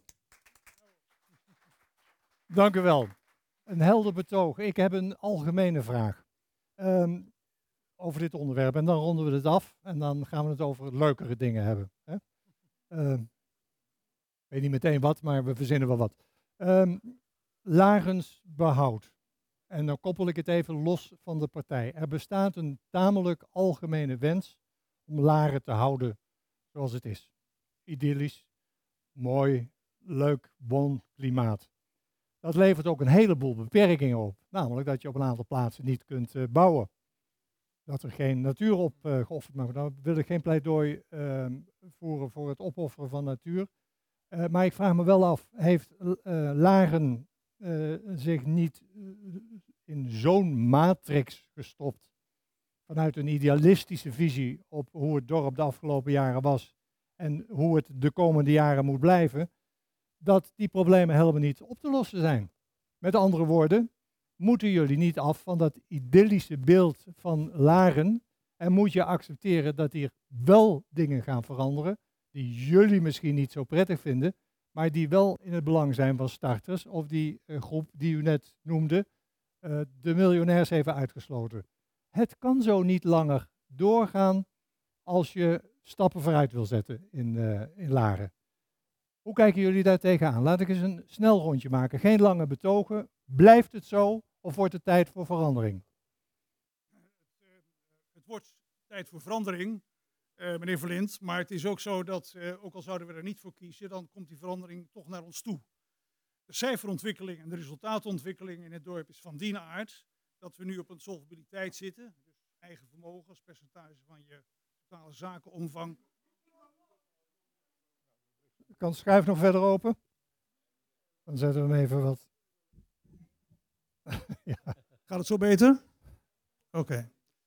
Nou, of we het willen, of we willen veranderen of niet, het komt op ons af. Want als het blijft gaan zoals het nu gaat, dan zal het nog kort duren dat Laren helemaal zelfstandig is. De cijfers zijn zodanig slecht dat uh, wij met elkaar onder ogen moeten zien wat we nou gaan doen. En als we niet drastisch veranderen, dan zal het zo zijn dat binnen afzienbare tijd, een beperkt aantal jaren, Laren een artikel 12 gemeente is. Het weerstandsvermogen was 30, terwijl, terwijl 30 het financieel zo goed gaat op het ogenblik. Het gaat helemaal niet goed. Het is een probleem. Het is echt een serieus probleem. Het is eigenlijk de olifant in de kamer hier. We praten over van alles en nog wat. Maar dit is het centrale probleem voor de komende tijd. Er was 30% eigen vermogen. Je moet zo ongeveer 20% hebben, wil je aan de norm voldoen bij een Nederlandse gemeente. Over 19, uh, 2020 was het 5%. En het ziet ernaar uit dat de komende tijd, nee, voor 2020 was het 12%. Nu volgens de begroting is het 5%. En de laatste cijfers van Binnenlandse Zaken die binnen zijn over de bijdrage vanuit het gemeentefonds zijn niet rooskleurig. Anders dan in de begroting nog werd verondersteld. En dat betekent dat wij langzaam maar zeker naar de onderste regionen van de ranglijst van Nederlandse gemeenten verhuizen. Laren als woongemeenschap heeft een prachtige naam, top of the bill. De gemeente Laren ziet er buitengewoon armoedig uit als het gaat om de financiën. Helemaal onderaan de lijst, er zitten nog drie kleine gemeenten in Limburg onder ons. En dat is dan de lijst van de financial performance, zoals BDO, een accountantsorganisatie die rapporteert. Daar moeten we het over hebben. De rest is een afgeleide. En als we dat niet doen, ja, dan hebben we een groot probleem met elkaar. En dan gaat het door anderen gedaan worden voor Laren. Wat is de oplossing van dit probleem? De oplossing is, uh, het is niet zomaar een oplossing die in drie tellen zich even laat presenteren. Maar onze partij wil graag een discussie op dat punt in de gemeenschap in Laren lostrekken. Er zijn oplossingen, want de tegenstelling is heel evident. Laren als economische gemeenschap draait buitengewoon goed. Geweldige waardestijging in grond en, en prijzen van woningen. Goede zaken voor de ondernemers. Dus Laren als economische eenheid wordt zeer gewaardeerd. Laren als gemeente wordt zeer laag gewaardeerd. Er is een enorm contrast tussen. Nou, daar ligt eigenlijk ook de kern van de oplossing, wat ons betreft, in ons denken. Een nieuwe vorm van ondernemen, een nieuwe vorm van samenwerken. Dus niet OZB verhogen en dat soort dingen meer. Hoewel daar misschien niet aan te ontkomen valt als er een richtlijn uit de provincie komt. Maar een nieuwe vorm van ondernemen waarbij de gemeente zakelijke mogelijkheden ter hand neemt. Verdichting van de bebouwing nastreeft, zodat we echt bewoners, woningen kunnen bouwen voor elke portemonnee. Daar ligt de kern van, het, eh, van de oplossing. En daar moet je met elkaar over gaan discussiëren. Dus dat moet een start zijn van een gesprek en niet het eind van een gesprek. Maar dat is heel centraal. Is het. Nog één vraagje hierover en dan, dan, eh, kom ik, eh, dan krijgt u de gelegenheid. Hoor ik hier ook eh, de her- heropening van de zelfstandigheidsdiscussie van eh, Laren? Ongetwijfeld. Nou, we hoeven hem niet te kiezen. Hij komt op ons af. Dus eh, punt wat de afgelopen vier jaar gewonnen is, namelijk Laren blijft zelfstandig. Dat was een eh, cadeautje zonder betekenis. Dat is uitstel van executie. Het lijkt soms een beetje op Downton Abbey. We hebben het met elkaar gezellig. We praten over allerlei kleine zaken wat ons betreft. Die, eh, nou, enfin, de, het, het is die beslotenheid van het landgoed en de familie, upstairs en downstairs. En buiten rommelt het en komt er van alles op ons af, maar we negeren het liever. En daar ligt het probleem. Eigenlijk is het de Titanic die u beschrijft. Eh, belangrijk punt, ik, ik kom Laren op slot en wat moet je eh, doen om de boel open te gooien? Die vraag komt zo ook bij jullie terecht. Maar ik kijk even naar de zaal. Wie wilde hierop reageren? Want er worden een paar behoorlijke opmerkingen gemaakt. Microfoon achter in de zaal.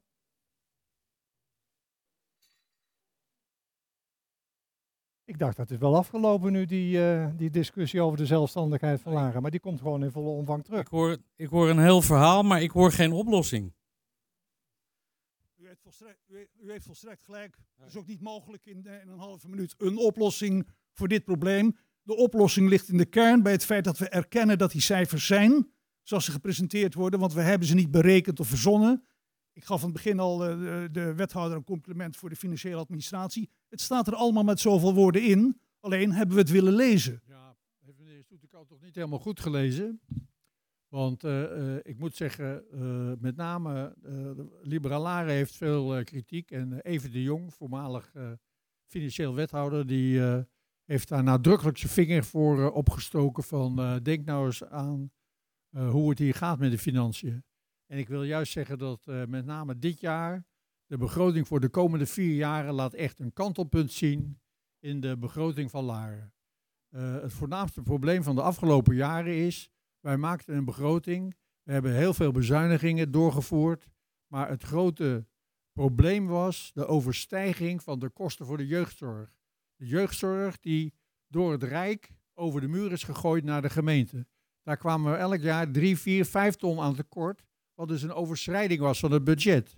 Er is door het Rijk is nu erkend dat er voor alle Nederlandse gemeenten 1,7 miljard euro te weinig beschikbaar is gesteld. En een groot gedeelte daarvan is nu wel overgemaakt aan de gemeente. Eh 1,7 miljard, eh 17 miljoen inwoners, kunt u rekenen, 11.000 inwoners in Laren, is een miljoen voor Laren.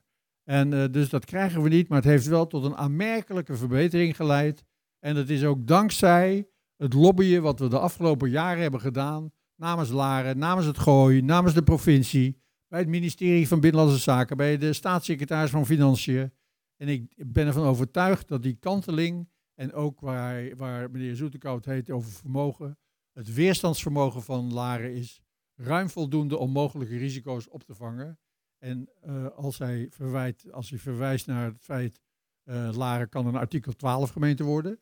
Ik denk dat we daarvan uh, veilig zijn weggestuurd. Maar als dat het geval is, dan is het eerste, er wordt gerefereerd aan de OZB, en de provincie zal zeggen, gaat u maar eens de onbenutte belastingcapaciteit effectueren. Wat betekent dat? Uh, Laren betaalt heel veel OZB in absolute vorm, maar het tarief is redelijk laag. Dat ligt rond de 10 promiel. En de provincie zegt, een geaccepteerd tarief is 15 promiel. Dus gaat u de OZB maar met 50% verhogen. En in Laren is 50% OZB 2 miljoen. Zijn er dan problemen? 0,0.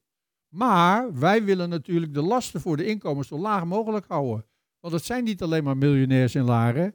Juist voor die mensen die met een klein pensioen moeten rondzien te komen. Die ook geconfronteerd worden met allerlei stijgende lasten. Daarvoor willen we de kosten zo laag mogelijk houden. En doen we ons uiterste best om die OZB eh, niet meer dan met de inflatie te laten stijgen. Maar als je kijkt naar een huishouden en je kijkt naar wat er uitgaat, wat er betaald moet worden, dat stijgt allemaal. Als de inkomsten van de gemeente, van de Rijk, niet hoger worden, dan zal de gemeente naar andere wegen moeten zoeken of moeten bezuinigen. Ik hoor het CDA niet zeggen dat ze het brinkhuis dicht willen doen of het zwembad willen sluiten. Maar dan zullen we wel wat moeten doen. Ehm, meneer Soetekau, ehm, kijk, dat er op financieel gebied hier de afgelopen vier jaar iets goeds is gebeurd, daar zijn we het geloof ik wel over eens, hè? Nee, nee, zeker. Oh, niet? Nee, nee, zeker. ik, ik dacht, het is, het is even op orde en u schetst een beeld, maar laat je niet in slaap zussen, want daaronder zie je een heleboel problemen aankomen. Dus u bent ook niet tevreden over de prestatie die geleverd is de afgelopen vier jaar? Absoluut niet. Nee. nee. Eh, Trouwens, het, ja, het Wat- gaat, niet, wat om, gaat niet het- om mijn tevredenheid. Het gaat gewoon om de cijfers die in de jaarstukken van de gemeente zelf staan. De gemeente is notorisch slecht in het Nou, maken nou van zegt Kalis, we zouden het op kunnen lossen door gewoon die eh, OZB-belasting eh, te verhogen. De gemeente heeft in de afgelopen jaren 6 miljoen uit de reserves gehaald om het resultaat een beetje op te krikken. Die 6 miljoen moet als eerste terug.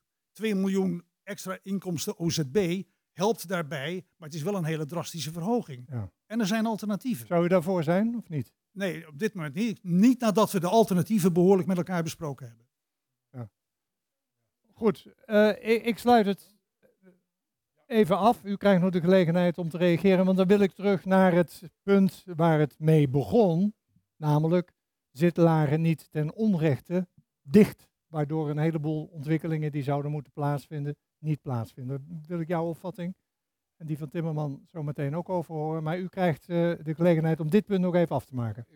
Kijk, ik heb Peter Kalis wel eens vergeleken met een worstelaar. Hè? Heeft de afgelopen vier jaar echt geworsteld met de begroting.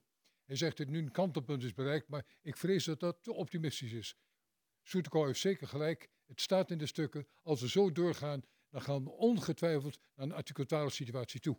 Ongeacht de situatie in de jeugdzorg. Want afgezien van de jeugdzorg is het probleem dat we op Laren een te grote voet hebben geleefd de afgelopen jaren. Dat is nu eenmaal een feit. En Hoe kan, is het, hoe dus kan het in godsnaam in een dorp met zoveel miljonairs? Ja, dat zou je zeggen. Maar we hebben inderdaad Maar hoe kan dat? Geef eens een antwoord op Omdat we vraag. veel voorz- voorzieningen hebben die heel veel geld kosten. En die mij ook dierbaar zijn, dat moet ik onmiddellijk bij vertellen. Dit brinkhuis is fantastisch. Maar de exploitatie van het brinkhuis kan beter. Vandaar dat we denken dat het bestuurscentrum hier naartoe halen bij kan dragen aan een betere exploitatie van dit brinkhuis. Zo moeten we ook nadenken, wat kunnen we doen met het gemeentehuis, wat nu ook veel geld kost. We komen tot de conclusie, verkoop dat, dan kunnen we waarschijnlijk daar beter rendement mee maken. Dat lijkt mij verstandig. Op die manier heb je in ieder geval een klein beetje soelaars. Maar we zullen met elkaar, daar ben ik met Soetekau eens, zullen we fundamenteel moeten nadenken hoe we structureel de zaak beter op orde krijgen. En dat is niet alleen bij de jeugdzorg, dat zit ook bij die andere onderwerpen. Nog één opmerking. Hij zegt, de, de goede wethouder, de worstelaar, dat we veel bezuinigd hebben. Maar dat is eenvoudig niet waar. We hebben met elkaar de afgelopen vier jaar als fracties suggesties gedaan hoe we tot een betere situatie zouden kunnen komen. Maar dat heeft tot weinig resultaat geleid. Dus die idee dat de bezuinigingen zijn doorgevoerd, helaas, helaas, dat is nauwelijks het geval. Dank u wel. Ik sluit het hier even af en ik ga terug naar eh, hoe deze discussie eh, begon. Nog een keer ehm, een heel ide- idealistisch beeld van Laren. Het moet blijven zoals het nu is. Nou ja, behalve dan op financieel gebied heb ik begrepen.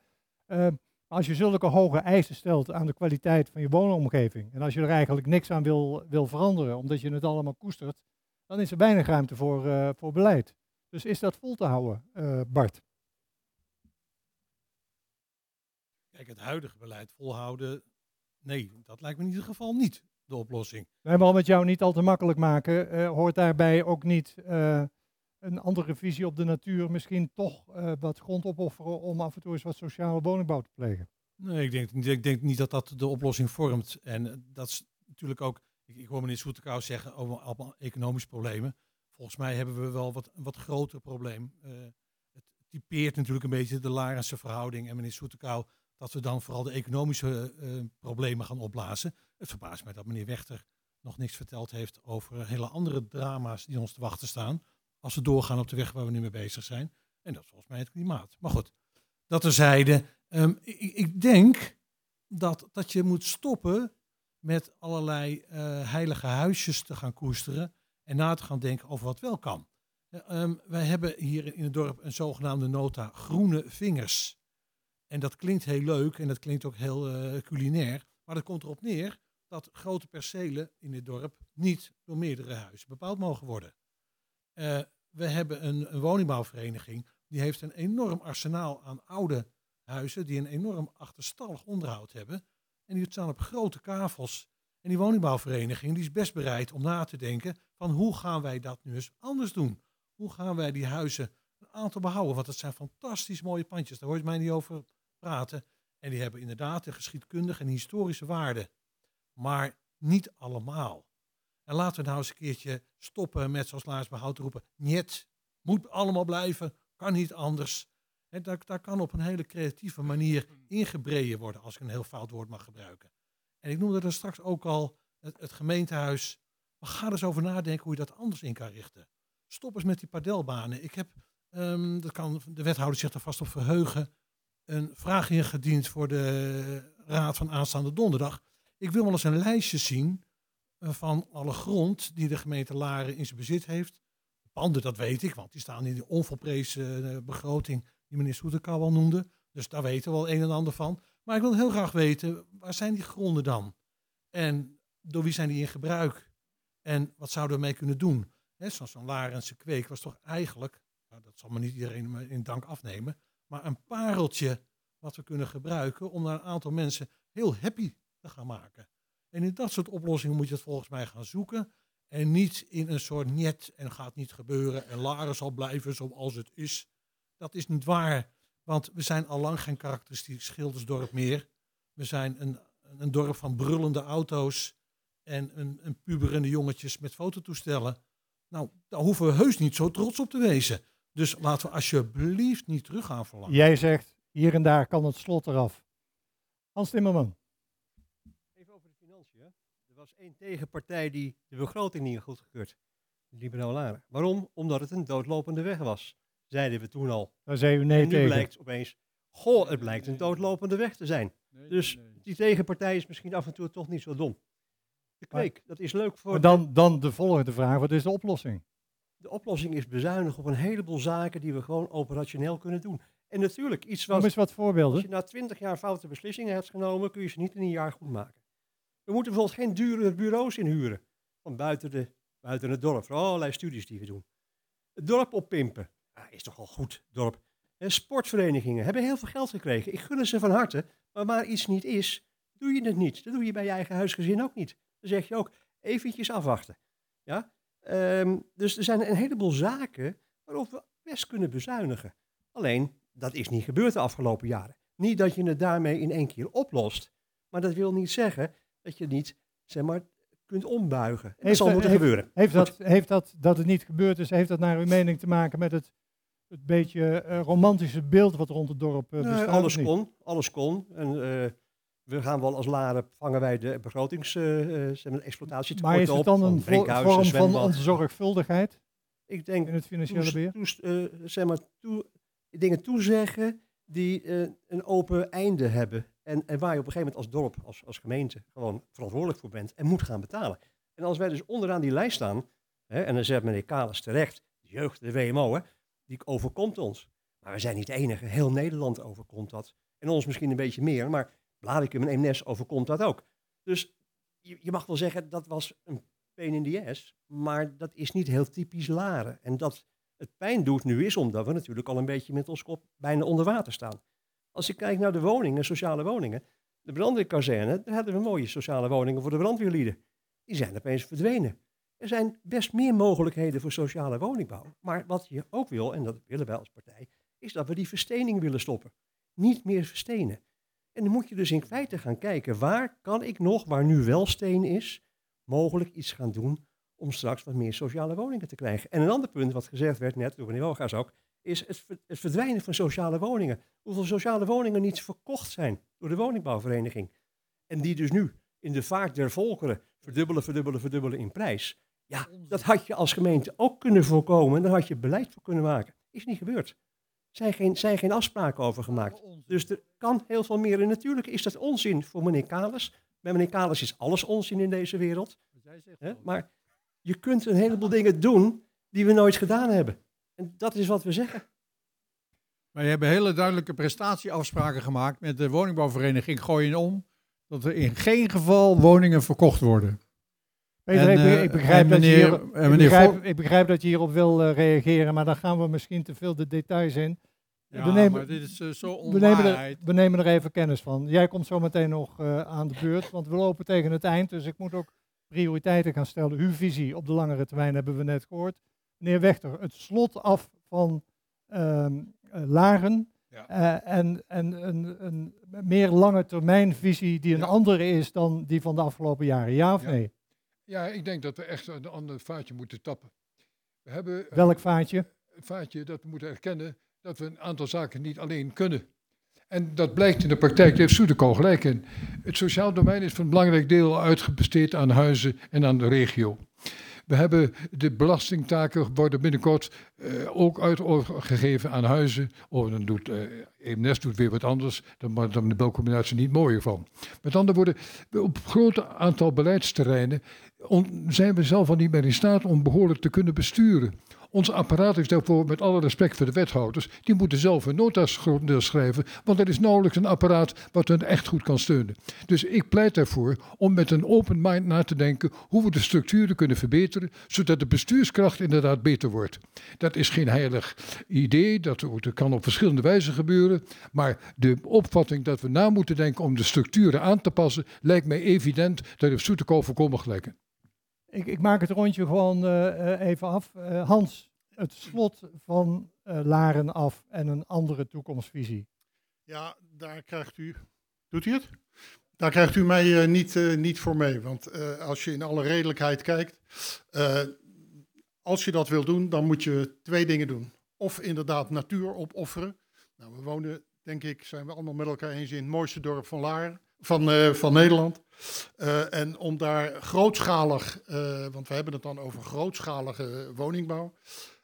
om daar natuur voor op te offeren. Nou, dat gaat niet gebeuren zolang ik daar iets over te zeggen heb. Dat is één ding. Het tweede alternatief is op bepaalde plekken waar bestaande bouw is, afbreken en de lucht in. Nou, ook dat is voor mij vloeken in de kerk. Wij gaan geen hoogbouw plegen in Laren. Dus Laren is vol, Laren is klaar, Laren is al ernstig versteend. En het verbaast me dan ook hooglijk dat En wat doen we dan met partij die Groen wat- Laren noemt wat- zegt, offer het maar op. Ik Wat doen we dan van. met onze kinderen? De, de kinderen van Laren die hier graag maar zouden... als Laren vol is, is Laren vol. En we moeten proberen om eh, voor zover het kan sociale woningen te bouwen.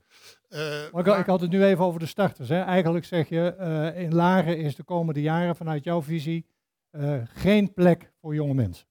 Nee, dat nee, is wat dat ik hoor. zeg ik niet. Nou, dat is de consequentie van datgene wat je zegt, van sociale woningen wel. En, zijn dan in het algemeen mensen die dat, eh, samenwonen, maar... Nee, we, we, we, we blijven, we blijven die een derde eh, sociale woningen bouwen. Eh, dat, dat kan nog net allemaal. Maar met de beste wil van de wereld lukt het ons niet om te zeggen... laten we eens 500 huizen bouwen. Roep maar waar. Nee, dan, het moet het bos, met- dan moet het bos Met het huidige beleid niet, maar met mogelijk een ander beleid waarbij Maar dat andere beleid houdt dan in... of we gaan flats bouwen, of we gaan de natuur verknallen. En beide vind ik geen optie. Goed. Helder. U krijgt zometeen, we zijn bijna aan het eind, ik ga aan u nog vragen, ben ik nou vergeten om bepaalde vragen te stellen? Daar sluiten we het zo mee af. Maar welke opmerking, Peter, heeft jou tot nu toe het meeste pijn gedaan? Nou, dan moet je wel van goede huizen komen hoor. Nou, eh, ik, ik zag enige felheid in die ogen. Net ja, maar het dat is ook. Kijk, eh, de eh Laarsbehoud eh, hou- zet zich in, zeg je, voor het behoud van het dorp. Verandert Laar. Nou, iedereen die hier al een tijd rondloopt, weet dat alle kleine winkels ongeveer verdwenen zijn. Er is nog één groenteboer, er is één slager, waar ik daarvoor kon ik eh, tien bakkers aanwijzen, tien groenteboeren. Eh, is dat veranderd? Ja, is dat veranderd. Is dat beleid? Nee, dat is geen beleid. We hadden hier een kruidenhuisje, fantastisch leuk winkeltje. Ja, dat stopt omdat er geen geld mee te verdienen is. Dat is reuze jammer. En eh, wat mij ook ontzettend frustreert, is dat we niet meer kunnen doen voor die starters. We, we denken daar ontzettend over na. De suggestie van meneer Vos om nog eens te kijken naar die erfgooiswoningen. Die hebben ook een cultuur, dat is ook erfgoed. Maar ja, eh, wat het zwaarste is, moet het zwaarste wegen. En eh, eh, ik denk dat we met z'n allen openstaan voor ideeën om dit dorp zo mooi mogelijk te houden en zo goed mogelijk te houden. Daar gaat het om. Mag ik nog één opmerking vragen, Ja, voorzitter? De meneer van Timmermans heeft het over sociale woningen. Is meneer Timmerman ook van mening dat het een goed idee zou zijn om woningen te kunnen splitsen? Dan kun je een aantal eh, bestaande percelen gebruiken om meerdere straten bijvoorbeeld in te doen. Ik heb tot weder begrepen dat uw vrouw daar valikant tegen is. Ik neem aan dat u vanavond tot andere gedachten bent gekomen.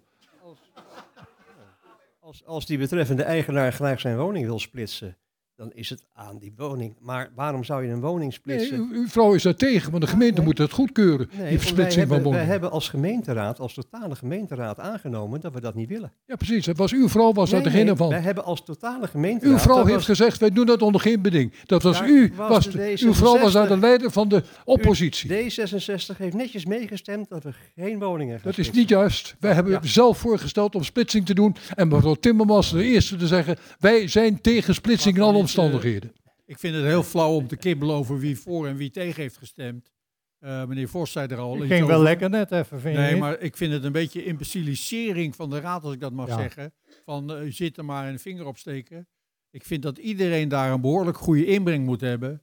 En ook eh, eh, binnen de coalitiepartijen zijn er plenty onderwerpen langs geweest waar niet uniform over gestemd werd. Over dat splitsen van de huizing moest ik toch een, eh, denken aan. Eh, meneer Bogaars had het over zijn eh, vader als eh, voortvarende minister van Woningbouw. Toen was er een schreeuwend tekort aan huizen, geen woningen. Wat gebeurde er? De starters, de kinderen, trokken in bij hun ouders. En misschien moeten we dat nu ook een tijdje doen. En vooral in die grote huizen die we hier in Laren hebben. Maar laat meneer Timmerman, u hoort het nog eens van een expert. Ik, eh, ik sluit de discussie af. We hebben niet, ik, eh, ik krijg zo nog het laatste woord, niet alle onderwerpen behandeld, maar naar mijn gevoel wel eh, de belangrijkste, in ieder geval de leukste. Journalistiek gezien dan, hè? Of u er allemaal zo vrolijk van wordt, dat weet ik niet. Eh, ik moet een bekentenis doen. Ik ben recalcitrant geweest en ik kreeg een briefje met de mededeling dat u koffie kon gaan halen tussentijds. Ik dacht, dat wil ik niet, want ik wil stimuleren dat u met de grootste aandacht blijft luisteren. Dat u koffie is ontzet, ontzegd, is mijn schuld. Maar dat kan zo meteen goed gemaakt worden. Een vraag aan de zaal. Welke vraag die dringend gesteld had moeten worden, heb ik niet gesteld. En wilt u toch aan een van de heren voorleggen? Eh, de vraag graag kort en vertelt u erbij voor wie de vraag bestemd is. Ik kijk zo even rond. U hebt het woord. Eh, even, oh ja. Hij heeft al gesproken. Ehm, eh, naar mijn eh, idee eh, ontbreekt het, het huidige bestuur een beetje aan ambitie. Ambitie is er alleen daar waar het gaat om het eigen programma. En voor wat betreft andere onderwerpen wordt een en ander aan de ma- marktwerking overgelaten. En en passant leidt dat een beetje tot bestuurlijke arrogantie volgens mij. En wat daarbij op de weg blijft is de burgerparticipatie. En waarom niet, wat betreft het hangijzers, eerst de burger bevragen en dan beleid maken, in plaats van eh, eh, eerst beleid maken en dan bij de burger weer stranden?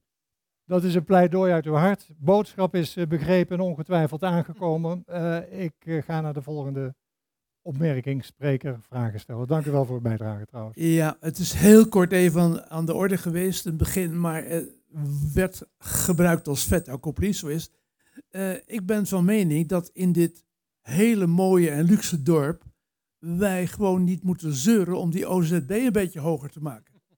Daar is, als we dat nou, want er, zit, er is een wettelijk maximum aan en daar zitten we ver onder.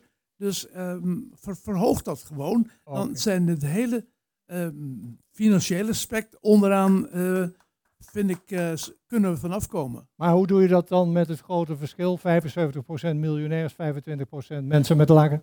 Hoe- hoe- Goed, pleidooi is helder. Er is een jeugdraad ingesteld waar gesproken kan worden over jongerenproblemen. En wat gebeurt er dan mee? Nee, ik, de, de jeugdraad is een leuk idee, maar er is een fundamenteel probleem aan de orde. Heb ik vanavond gesproken met een paar mensen vooraf. De gemiddelde leeftijd van onze raad is boven de 70. Het is alle reden om ervoor te zorgen dat er verjonging komt in de representanten die Ja. u vertegenwoordigen.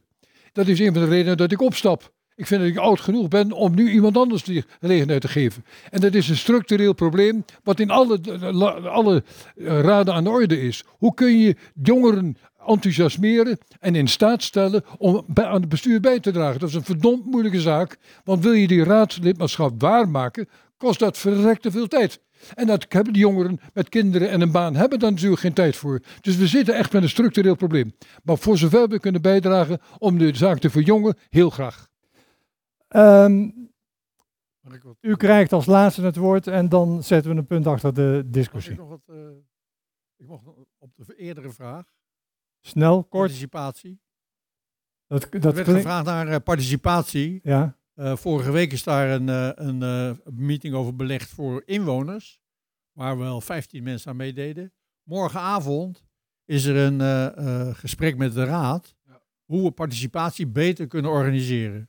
Er is een eh, burgerpanel van eh, 200 mensen in Laren die geraadpleegd worden, maar participatie kan beter. En dan wil ik ook nog iets zeggen over ambitie.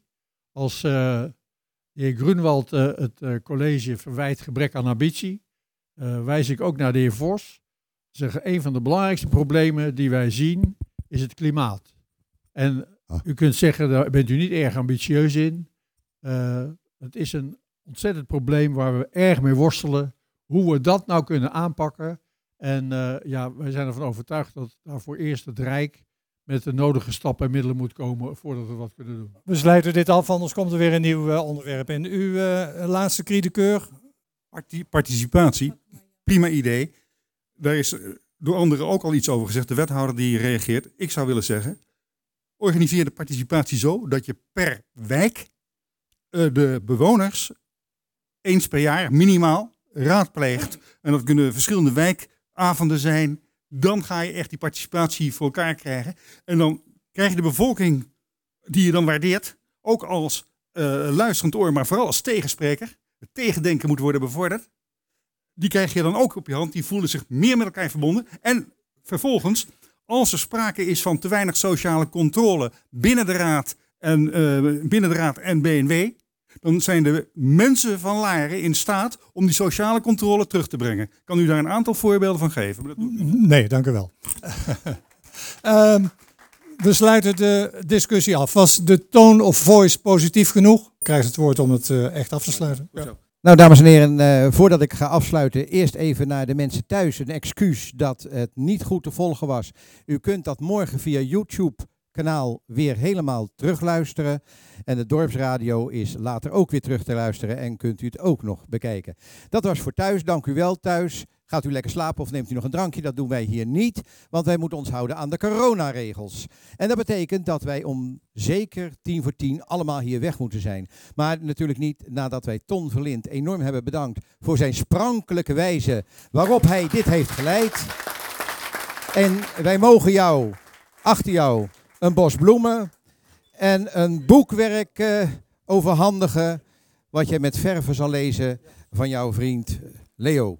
Dankjewel eh Ton voor deze avond. En dan gaan wij ook over natuurlijk tot het bedanken van eh, de heren die hier vol verven eh, hebben staan praten. eh, antwoorden hebben proberen te geven, er niet helemaal uit zijn gekomen, maar dat houdt het altijd spannend. Dames en heren, allemaal wel thuis.